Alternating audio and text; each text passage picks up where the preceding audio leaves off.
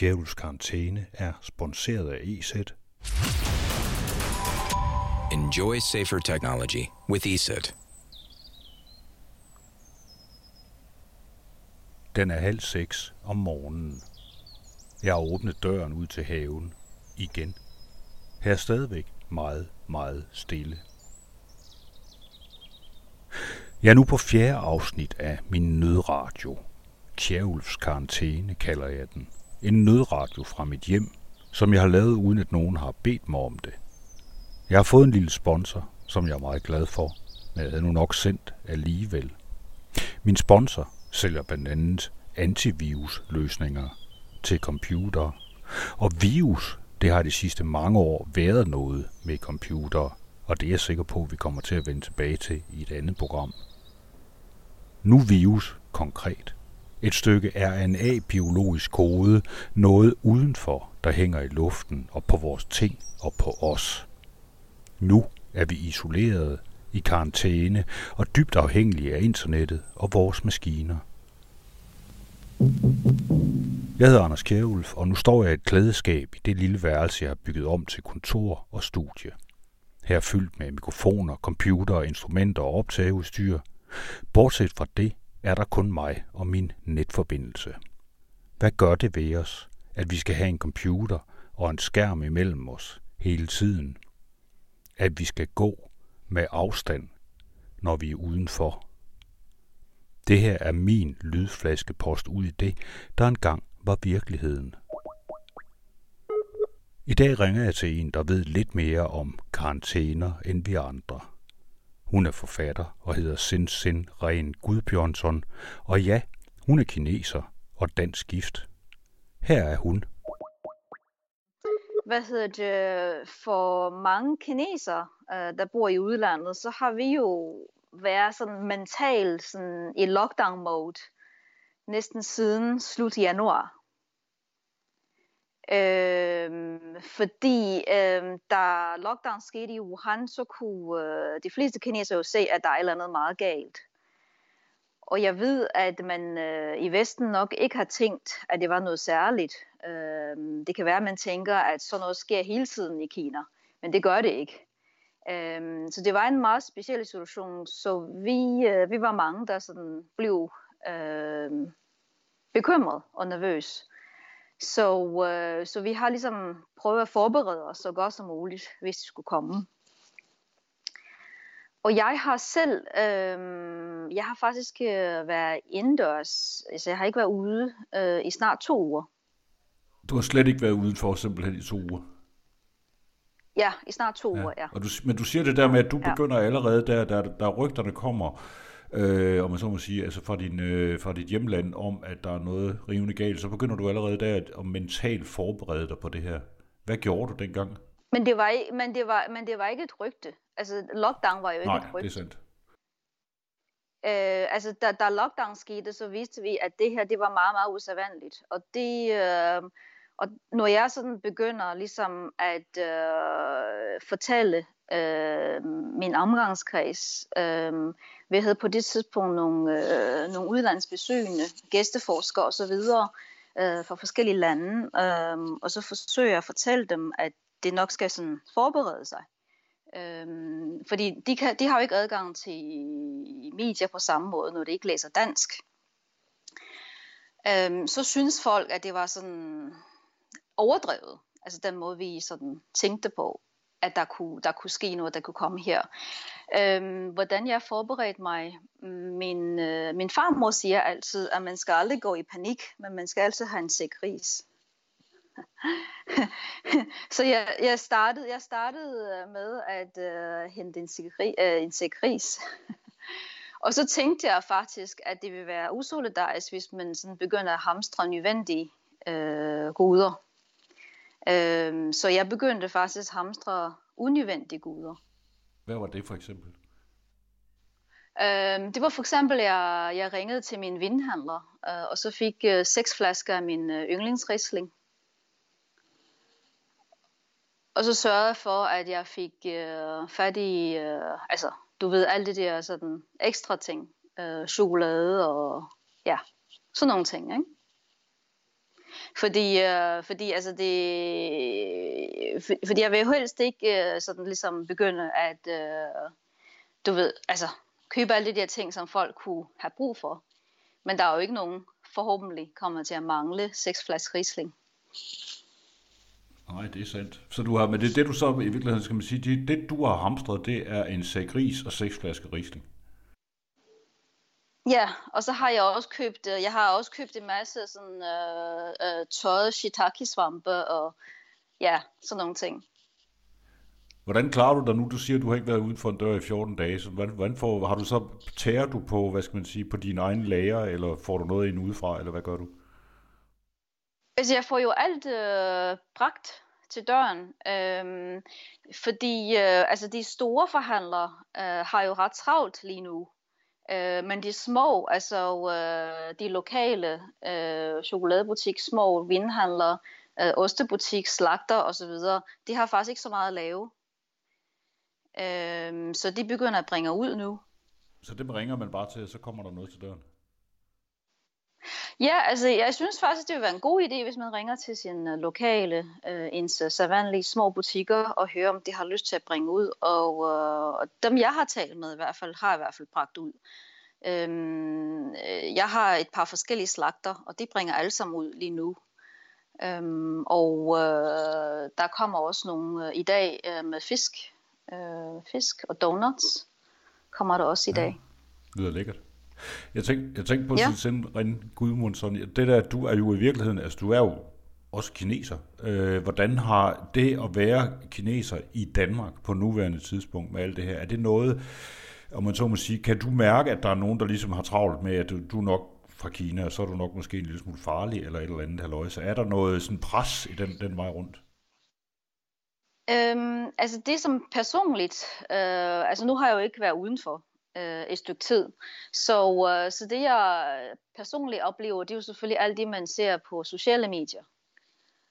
Øh, og, øh, og så er der jo en hel del, der kontakter mig og gerne vil have interviews, gerne vil have skrive nogle forskellige ting for forskellige medier. Øhm, men det som, øh, det, som jeg hører om, hvad folk oplever, når det er udenfor, øh, det, det, er, det er ret grimt, det der sker lige nu. Øh, men jeg har ikke øh, selv mærket lige så meget som de andre, fordi jeg har jo ikke været udenfor i næsten to år. Kan du prøve at hvad fortæller de dig? Øhm, det er ikke kun i Danmark. Øhm, det er også øh, kinesere øh, i uh, forskellige steder i Europa og øh, i USA og Kanada for eksempel. De oplever øh, meget sådan øh, øh, verbal og fysisk misbrug, når det er ude, i, øh, ude på gaden. Øhm, der er nogen, der bliver skuff, øh, skubbet og øh, skubbet og øh, spyttet på. Øhm, altså i værste fald er der fysisk vold, men, øh, men de fleste tilfælde, der er det sådan verbalt misbrug. Øhm, ikke kun kineser, men også folk, der ser asiatisk ud. Altså, det, er ikke, det er jo ikke nogen hemmelighed, at sådan en som øh, præsident Donald Trump, han har, været, han har kaldt det her for en Kina-virus, var hans udtryk, altså som mm. og ser det som nærmest som sådan en eller anden, nærmest en forlængelse af handelskrigen mellem Kina og USA i virkeligheden. Der. Mm. Hvordan reagerer, altså hvad, ja. hvad, med, hvad med kineserne? Du har kontakt øh, hjem til. Altså, hvordan ser man på det dernede i øjeblikket? I Kina? Altså i Kina i øjeblikket, øh, der er en, øh, en fantastisk altså optimisme og glæde lige nu. Øhm, dem jeg taler med, som er, altså det skal lige siges, at Wuhan stadigvæk er under en eller andet form for lockdown lige nu. Det er ikke sådan helt åbnet op endnu. Øh, men det jeg taler om, det er for eksempel Shanghai og Beijing og Tianjin, altså de andre store byer. Øhm, der har de øh, været sådan nogenlunde åben øh, siden for cirka en uge, halvanden uge siden. For at vende tilbage på arbejdet. Restauranterne er åbnet igen.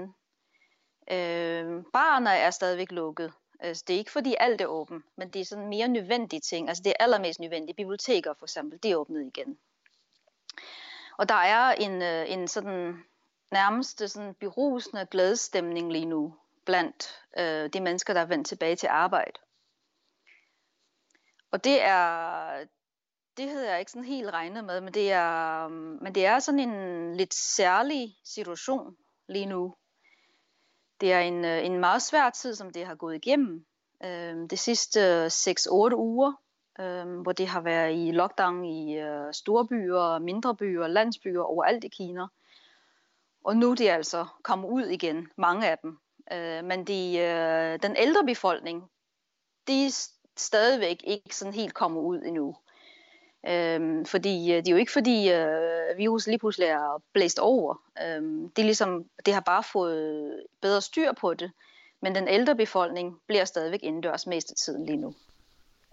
Du har blandt andet, altså du har familie siden dernede, som også har siddet i det her øh, lockdown der øh, mens det var ja. værst. Øh, og der ved jeg, der, det ja. har, har vi talt om øh, ved anden lejlighed også, hvordan det var. Men kunne du prøve at beskrive lidt om, hvad, hvad der foregik i den periode dernede? Hvordan var det der at være der i Kina på det tidspunkt? Ja, altså det er jo, folks oplevelser har været meget forskellige. Men det, der er sådan lidt, øh, lidt interessant at se, det er, altså de, de venner og bekendte, jeg har, og familiemedlemmer, det er sådan, det er sådan meget forskellige, altså hvordan deres affaldelser er, og hvordan deres tillid til systemet har været. Men det, der er interessant, det er dem, der har været meget skeptisk fra starten. Øh, du ved, folk, der sådan ikke har så meget tillid til systemet, folk, der ikke har så meget tillid til andre mennesker. Øh, du ved, der er mange kinesere, der ligesom tror det værste om hinanden. De tænker, at nu kommer der noget hamstring, nu kommer der øh, mangel på fødevarer, nu kommer der mangel på det ene og det andet det er faktisk dem, øh, der lige nu er allermest glade og optimistisk, fordi de har faktisk mod deres forventning oplevet, at tingene faktisk har fungeret i hele den her tid, hvor der har været lockdown. Der har været mangel på nogle ting. Altså det er ikke alle grøntsager, der har været tilgængelige.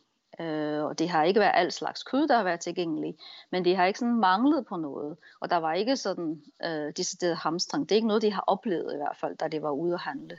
Netop det her, altså jeg ved, du, du nævnte blandt andet en af de ting, som folk nærmest endte med at blive træt af, som der i hvert fald var nok af, det var kinakål. Ja, altså kinakål havde det i hvert fald rigeligt af. og der, der er der nogen, der får sådan en, øh, en uh, traumatisk flashback fra 80'erne, uh, øh, hvor man altså dengang uh, var, var det jo nødvendigt at spise kinakål, fordi i Nordkina, uh, vintertiden, der har man jo nærmest ikke andet. Så det er da øh, lidt trist at skulle vende tilbage til den tid, hvor det eneste, man kunne regne med, det var Kina-kål. Der sidder jo her i Danmark, der altså nu siger du det der med, at der er rigtig mange kinesere, som har, som, som har, eller mange kinesere, der har mistro til systemet og, og mistro til andre mennesker. Det er vel også det, vi til en vis grad oplever herhjemme lige nu, at der i hvert fald også, hvis man kigger på de sociale medier og ser, hvordan folk reagerer i de her sammenhænge, der er det vel, skal man sige, en, en, ja. en tilsvarende bevægelse. Og det og det, øh, det jeg, jeg må sige, jeg har over, det har overrasket mig, fordi jeg har faktisk ikke troet, at der vil komme hamstring her. Øh, jeg kan selvfølgelig godt huske tilbage på den der øh, store konflikt tilbage i, øh, hvornår var det? Det var i 90'erne på et tidspunkt. Gærkrisen. Øh, ja. Ja, der, der kunne jeg i hvert fald huske, at øh, dengang, der arbejdede jeg jo på McDonald's, hvor alt blev udsolgt, øh, hvor vi til sidst ikke havde noget tilbage, og øh, når man gik i supermarkedet, så var der ikke noget gær eller øh, meget andet.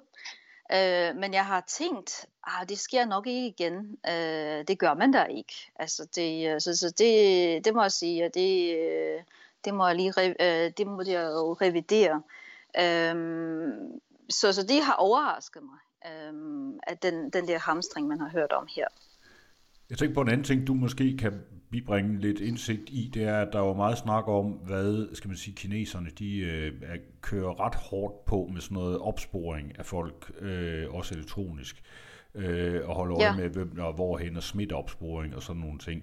Det har der været nogle artikler mm. om herhjemme, men altså, hvad, hvad er dit indtryk af, hvad har de gjort for at, ligesom, at, at finde folk i Kina, der er smittet med, med den her virus? Ja, Øhm, altså, øh, der, der smittetal øh, begynder at stige øh, voldsomt, øh, så begynder de at indføre i øh, storbyerne i hvert fald, at øh, hver gang man skal ind i øh, butikker, øh, fødevarebutikker osv., øh, så skal man scanne øh, sin, øh, øh, jeg tror det var WeChat ID, eller så var det noget andet, i hvert fald noget, der identificerede, hvem man er. Og på den måde, så hver gang øh, de så opdager en smittet, øh, og hvis du har været i nærheden af en smittet på et tidspunkt, det sted, øh, jamen så vil du blive opsporet. Ja, og den her opsporing, hvordan finder den sted? Altså, hvad sker der, når man op det der med at opspore folk, hvordan, hvad betyder det? Bliver man så ringet op, eller hvad sker der? Øh, der sker som regel det, altså det jeg har hørt, øh, er, at så bliver man sat i hjemmekarantæne. Og hvis man ikke respekterer den her hjemmekarantæne, det har der jo været en del øh, skandaler om. Der har været toppolitikere, som ikke respekterede hjemmekarantænen, og så blev det jo selvfølgelig slæbt afsted øh, til et sted, hvor det bliver øh, låst godt op. Øhm, så det var meget alvorligt. Altså hvis du bliver sat i hjemmekarantænen, så må du ikke komme ud øh, den næste 14 dage. Men det her med elektronisk opsporing, altså det er noget, det jeg blandt andet har læst, det er sådan nogle, altså jeg læser, det er jo så amerikanske medier, det kan jo være, at de tager fejl eller overdriver. Mm. Men noget af det, jeg har hørt, det er blandt andet mm. netop, altså, at man har den her opsporing også, med, også via ansigtsgenkendelse, hvis man for eksempel snyder med øh, sin... Øh, med sin øh, karantæne, altså de siger nu, at jeg har altså lyst til at gå en tur, ja. øh, så kan man risikere ja. at blive genkendt af sådan et ansigtsgenkendelseskamera. Øh, ja. Og der har jeg så simpelthen hørt, at man også bruger droner, simpelthen, der kommer hen og siger til folk, nu skal du gå hjem eller du bliver ringet op ja. på din telefon direkte af nogen med det samme, mens du står derude. Ja, det, det har jeg også hørt, så det, det tror jeg også passer. Det tror jeg faktisk. Øhm, og, og netop derfor, altså netop på grund af det der med, at man skal øh, øh, vise sin elektroniske ID, hver gang man går i en butik, og man kan så risikere på den måde at, øh, at blive opsporet. Det har gjort, at mange i slutfasen af øh, lockdown øh, få, mest få tingene leveret og øh, ikke gå ud og handle mere. Fordi de simpelthen ikke vil risikere at blive, blive registreret i den sammenhæng der? Ja, fordi øh, altså, blive sat i hjemmekarantæne er jo selvfølgelig ikke så slemt, øh, som at hvis man øh, lige pludselig bliver sat i øh, karantæne et andet sted, eller der sker noget andet voldsomt. Så, så der var en del, jeg kendte, øh, som faktisk øh, fik tingene leveret øh, mere eller mindre øh, til sidst.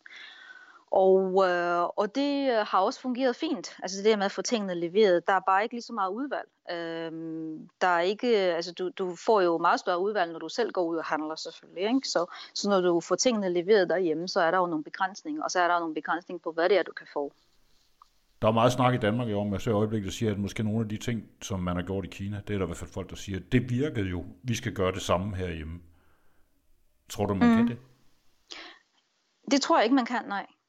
Altså for det første så, øh, altså den, den form for lockdown, man havde, øh, den var jo sådan ret absolut øh, form for lockdown. Det er jo næsten ligesom den der glaskuppel i Simpson-filmen. Øhm, det var jo ikke, altså der var ikke nogen, der kunne komme ud af for eksempel storbyen øh, Tianjin, for eksempel. Ikke? Lad os nu tage den by, jeg kommer fra. Øhm, du kan ikke komme ud af den, du kan heller ikke komme ind igen. Det er jo uanset om du bor der eller ikke bor der. Og øh, alle de øh, private arbejdspladser øh, er jo lovet slukket øh, med mindre øh, du, øh, din private arbejdsplads udfører eller andet meget vigtigt for samfundet. Øhm, og, øh, og så er der en hel masse ting, som man jo ikke vil kunne gøre øh, lovgivningsmæssigt i Danmark. Plus at, øh, at der vil ikke være den der velvilje blandt den øh, brede befolkning. Og så er der jo også nogle ting, sådan rent praktisk, der ikke kan lade sig gøre. Jeg har jo hørt flere steder i Europa, internettet øh, allerede er i gang med at give op. Ja. Øh, så, så, så der er også en grænse for, øh, hvor man kan udsætte folk for, øh, når, man tager, når man for eksempel tager Netflix fra dem. så, bliver, så stiger desperationen. Øh, altså jeg tror, jeg tror, hvis man siger udgangsforbud, plus at man tager Netflix fra danskerne, så vil der komme en revolution for første gang i dansk historie. Ja, der har været nogle stykker sådan lidt tilbage. De har ikke været så store, men der har været et par stykker sådan historisk set. Men, men... Ja, men øh, sådan øh, en rigtig revolution, ikke? hvor man øh, bryder den der øh, lang linje øhm, men i, i Kina, altså der har internettet jo ikke givet op. Den har faktisk fungeret fint øh, overalt i storbyerne i hvert fald. Ikke? Man har kunnet streame, og, øh, og, og øh, hvad hedder det, øh, bibliotekerne har, har åbnet alt arkivet, øh, så man har kunne læse e-bøger frit og streame en masse film. Øh, så, så internettet øh, var ikke, øh, altså den var ikke sådan belastet på samme måde som flere steder i Europa, øh, som man hører nu. I Tyskland for eksempel øh, hører man, at den er hårdt belastet. Så, så det har fungeret fint med internettet, så jeg ved ikke, hvordan sådan infrastrukturmæssigt, om der er nogle udfordringer her, som vil være anderledes. Så det vil ikke være alt, man kunne indføre alligevel, selvom der var politisk vilvilje. Og så mangler vi en, øh, hvad skal man sige, vi mangler også en mere omfattende overvågningsstruktur i landet, altså med flere kameraer, ansigtsgenkendelse og sådan noget, hvis vi skal have det til at virke på samme måde, som kineserne gør det. Øh, ja, altså, og så plus, at det der med at køre flere systemer sammen, øh, det, det vil også være en udfordring. øh, at det overhovedet skulle fungere. Øhm, og så den der, øh, og al den der digitale undervisning og så videre. Øhm, så, så jeg tror ikke, man har, man har adgang til de samme kanaler heller. Øh, sådan helt bogstaveligt. Øh, I Kina, der bliver undervisning, øh, skoleundervisning og sådan noget, det blev både øh, online, men også sendt via Flow TV, for eksempel. Ja. Og det ved jeg ikke, man bare kunne gøre her. Øh, sådan bare trykke på en knap, og så kommer der skoleundervisning ud fra alle kanaler. Det, det, altså, det ved jeg ikke, man kunne gøre. Det kunne man have gjort i, da jeg voksede op, jeg tror det i 70'erne og 80'erne, der kunne man nok godt have gjort det, hvor man stadigvæk havde monopolfjernsyn, men i dag, nej.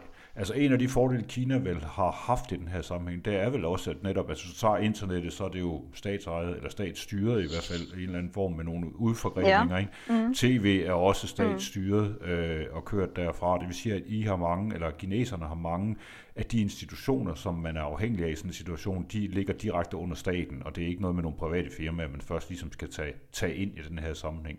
Kan man sige, har det givet, tror du det har givet Kina en fordel, det her med, at det faktisk er en meget altså stærk statsmagt? Øhm, altså i, øh, i hele den her øh, situation, øh, i hele den der epidemisituation, øh, så er der jo klart nogle fordele. Det, det kan man ikke afvise. Øhm, og øh, det der med, at øh, de jo bare kan åbne for adgang for alle de e-bøger, øh, altså det har man jo ikke rettigheder til her i Danmark. Det, det tror jeg, der vil være nogle forlag og nogle forfattere, der bliver sure over. Øhm, og også det der med, at øh, byerne, altså bystyrene, har jo øh, gået ud og lavet nogle kæmpe aftaler med, øh, med øh, leveringsfirmaerne. Altså takeaway-firmaerne er forpligtet til at tage et bredt udvalg af bøger med ud. Altså, det var det i hvert fald dengang. Øhm, fordi man har jo altid kunne få bøger ud sammen med sin øh, pizza og stegte ris, øh, men det har bare ikke været sådan brede udvalg. Øh, og det, det skulle de jo. Øh, det var det forpligtet til i Beijing i hvert fald. Det er smart, det, det burde vi også have herhjemme. Altså, så, så når man alligevel får en pizza, så kan man også få nogle bøger. Ja, øh, men, men det tror jeg, det vil være svært at overbevise øh, takeaway-firmaerne til, fordi øh, det er jo ikke noget, der har fungeret før, så det vil, de jo, det vil være en investering og tillidssag, ikke, at det vil komme til at fungere. Men i Beijing, øh, altså der siger bystyret simpelthen bare, altså i har lyst til at levere mad her i øh, øh, lockdown-tiden, jamen, så, er det, så er I også forpligtet til at øh, levere bøger fra over 70 boghandler. Hvordan, altså det her, du er selv forfatter, hvordan påvirker det her, den her situation, har det påvirket, altså læser folk simpelthen mere? Øhm, altså i Kina har man i hvert fald oplevet en øh, gevældig læseglæde. Øh, fordi selvom, øh, selvom at, øh, man har kunnet streame og sådan noget, så øh, har man jo oplevet, altså øh, jeg har jo nogle venner, øh, hvor deres øh, døtre og sønner øh, næsten ikke lavede andet end at spille computerspil i al deres fritid. Øh, men selv de mest hardcore indendørs mennesker, der bare elsker at streame tv-serier og se øh, sp- øh, og spille spil, de bliver jo trætte af det. Efter sådan to-tre ugers øh, solid øh, streaming og spil, så får de faktisk også lyst til at sidde og læse en bog. Og det har været meget øh, interessant, at se alle de mennesker, der sådan har masser af de der bøger på reolerne, fordi det er jo sådan en statussymbol ting i Kina at have papirbøger stående. Ikke? Jo flere, desto bedre. Alle har klassikere stående, men der er jo ikke særlig mange, der læser dem. Men i den her tid er der jo faktisk mange, der begynder at læse klassikerne og opdage, hvor gode de er. Det bliver spændende at se, hvordan det kommer til at påvirke samfundet i virkeligheden. Ja, altså det, det er i hvert fald en meget øh, uventet optimisme, der er lige nu blandt dem, der er kommet ud. Øh, men, men det kan man jo næsten forestille sig, at når folk har været lukket inde i de der 6-8 uger, og lige pludselig får lov til at komme ud igen, så er alt bedre. Så er arbejdspladsen, selv ens øh, chef, øh, virker bedre end ingen man øh, lockdown. Ja, vi længes, hvordan, vi længes efter hinanden, os mennesker i virkeligheden. Hvordan har du det med den her isolation? Altså sidder du helt alene, eller har du en partner eller nogen, du kan snakke med? Øh, jeg, jeg taler med en hel masse mennesker. Altså, jeg har jo øh, heldigvis en hel masse erfaring at trække på. Altså, jeg ved jo ligesom, hvad der sker. sådan de mekanismer, der kommer til at ske. Altså, der er noget... Øh, altså, der er jo masser af faser, som de kineser, jeg kender, har gået igennem altså den der, lige pludselig den der afslappethed i starten, hvor man ligesom bliver meget lettet over, at man ikke skulle lige så meget, og så får man alle det der indesluttethed, og så er der nogen, der får angstanfald, og øh, det fik jeg faktisk også på et tidspunkt. Øh, men, men jeg ved så, at, øh, at det kan man forvente, og så er der nogle ting, der sker, og øh, så er jeg lidt mere forberedt. Øh, og jeg har lavet en hel masse øh, øh frokostaftaler med folk over Skype øh, i løbet af de næste uger, og jeg kommer også til at lave sådan en Skype fredagsbar snart. Du skal simpelthen lave en Skype fredagsbar. Hvad skal der ske med sådan en? Så skal vi sidde og drikke øh, skål med hinanden, mens vi er på Skype. Ja, altså, og, og de uh, cocktails, uh, du kommer til at drikke, det kommer til at være helt gennemført, fordi det er jo noget, du selv har lavet. du skal ikke finde dig i, altså komme ud til fest og finde dig i dårlig catering eller noget som helst. Altså, du, du har bare det bedste med at drikke hjemme. Og så er du sammen, så ser du på skærmen det der 10-12 andre mennesker, og så skåler man og taler ligesom en almindelig fest. Det har man uh, gjort i Kina de sidste uh, mange uger nu. Så det tror du bliver, hvad bruger man også, hvad bruger man? I Kina, der bruger man ikke Skype, jeg gætte på. Øh, I Kina bruger man WeChat. Og den kan godt håndtere netop, altså der siger du, at der har de haft den fordel, at internettet dernede har været utrolig stabilt op at køre, og derfor så... Altså i hvert, fald, i, i hvert fald i de byer, jeg har talt med, det skal jo lige siges, at der er jo mange kineser, øh, eller ikke mange, altså der er nogle kineser ude i landområderne, som har meget begrænset adgang til elektricitet, så når de ikke har adgang til elektricitet, så har de jo heller ikke internet. Øh, så så det, det, jeg taler om, det er i storbyerne, altså i de øh, byer, øh, hvor 50 byer, der fik 5G her i sidst efterår. Der har de kørt godt, fordi der har de både kørt wifi og de har kørt øh, 5G øh, i de største byer. Men du siger, at du har været igennem nogle faser med, fordi du kender lidt til det, så, så har du bare nærmest ligesom kunne stå ved siden af det, så det kigge på det, med inklusive angstanfald og alt muligt ja, andet ja, ja, videre. ja. Jeg, kunne, jeg har kunne, ligesom uh, kunne, uh, sådan kigge på det udefra. Sådan, uh, nå, okay, lige nu har du en angstanfald, uh, og du skal bare lige gøre det, og så i morgen har du det godt igen. Så jeg kunne berolige mig selv. hvad længes du med? Hvad, altså udover at det her gerne må holde op igen i en frygtelig fart, ikke? så hvad, hvad længes ja. du mest efter? Altså? Altså, det, øh, jeg vil sige, øh, ikke længe så meget efter, men jeg vil sige, jeg er mest bekymret for at miste nogle af de mennesker, jeg holder af. Øh, jeg tror, når man er i den her situation, som jeg er i, som jeg, altså mentalt har jeg været i det her situation noget længere, øh, jeg tror, man, øh, man kommer til at indse, at der er nogle mennesker, man holder af, som man ikke troede, man holdt af. man troede måske, man var ligeglad. Øh, og øh, og så, så er det, altså det, man bliver nervøs over, det jeg i hvert fald blev nervøs og bange over og angstanfald, det var mest, når jeg tænker over øh, alle de mennesker, jeg kender, som er i en risikogruppe. Det er enten øh, øh, op i alderen, eller så er de øh, kraftramte, eller har nogle andre former for øh, sygdom, der kunne være risikabel. Øh, der tænker jeg meget over, øh, om jeg egentlig øh, kan undvære dem, øh, når jeg kommer ud på den anden side. Og det er jo ikke folk, jeg nødvendigvis kender så godt. Øh, men man har vendet sig til deres ansigter, og jeg har, jeg har jo lyst til at se dem igen, når det her kommer øh, til at være slut en dag. Ja, og det gør det. Ja, ja men, men, men jeg ved jo ikke helt præcis, hvor mange man mister. Nej. Bare lige at tænke på noget af det, der har været, altså det, som er lidt altså interessant, det er, der har været, altså udover det, det vi talte om i starten, det var lidt det her med, at der har været det her, at der er folk, der, altså at kinesere bliver chikaneret på gaden, og der er alt muligt andet forskellige, og vi har en Donald Trump, der siger, at det er jeres skyld det hele, og sådan noget. Hvordan ser man på det i Kina? Har man nogen, altså hvad, hvis skyld er det, hvis man spørger kineserne? Ja, altså det, det er meget, meget blandet. Øhm, det kan man ikke sige noget om. Men kineser er faktisk ikke så skyldfokuseret som sådan. Det er mere sådan en... Øh, altså, man kunne godt have givet skyld til alle mulige andre i alle mulige sammenhænge, også før det her. Øhm, men jeg tror ikke, kineser er sådan et folkeslag, der er så fokuseret på, hvis skyld det er. Det er mere sådan, hvordan kommer vi ud af det her. Øhm, men jeg tror også, der er mange kineser, der kigger ind af og tænker, jamen, kan vi gøre noget for at øh, inddæmme det her? Og der er jo en masse ny lovgivning, øh, der allerede er implementeret med, øh, hvordan man håndterer fødevarer i markedet for eksempel. Ikke? Øh, men, øh, men altså desværre så er det jo det, altså der er jo store dele af Kina, som stadigvæk har en masse fattig befolkning, og, øh, og det er jo der, øh, hvor hygiejnen halter øh, i, øh, i den del af verden, øh, hvor der er fattigdom. Så, øh, så det vil også noget, øh, man håber på at kunne blive løftet snart. Øh, jeg tror, jeg vil sige rigtig mange tak, tak til øh, forfatter Sinsin Ren Gudbjørnsson, øh, som sidder hjemme i sin lejlighed, øh, og som øh, kunne fortælle os lidt om prøve at forudsige, hvordan det kommer til. Altså her til sidst, kan du forudsige, hvordan, hvis du nu skal kigge på dit karantænebarometer, hvordan kommer det ja. så til at gå i næste uge? Hvad, hvad sker der så her i Danmark? Hvordan kommer danskerne til at have det? Ja, men jeg, jeg, kan jo, jeg kan jo godt se allerede nu, at der er kæmpe forskel mellem kineser og danskere. Øh, det kan man se. Øh, altså, der er jo øh, altså, hele den der øh, længsel efter at øh, feste og sådan noget, altså, det er jo ikke sådan meget kinesisk.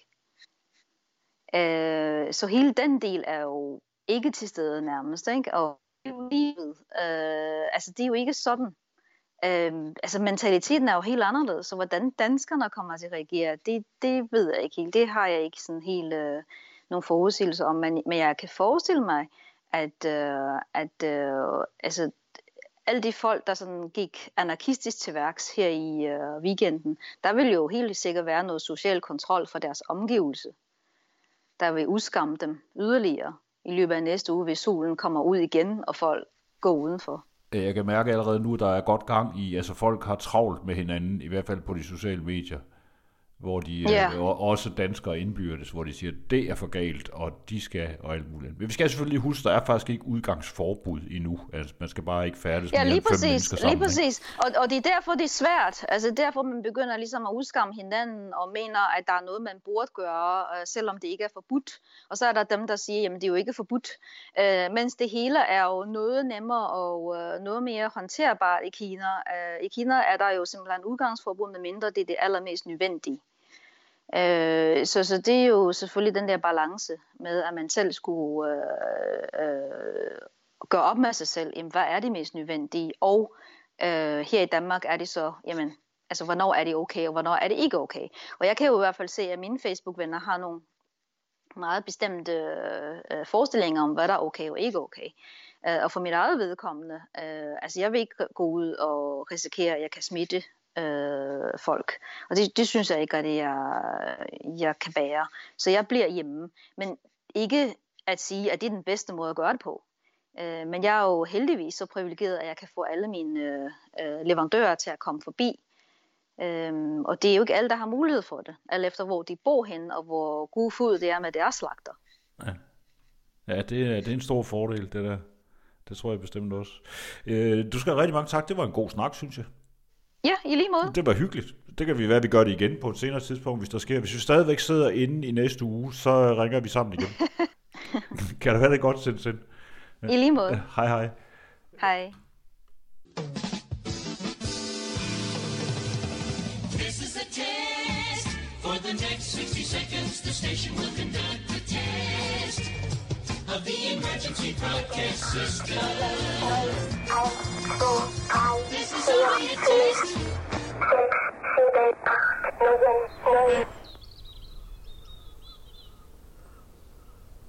Det var, hvad det kunne blive til i nødradioen Kjærulfs karantæne i dag. Jeg forventer at være tilbage med mere nyt i morgen.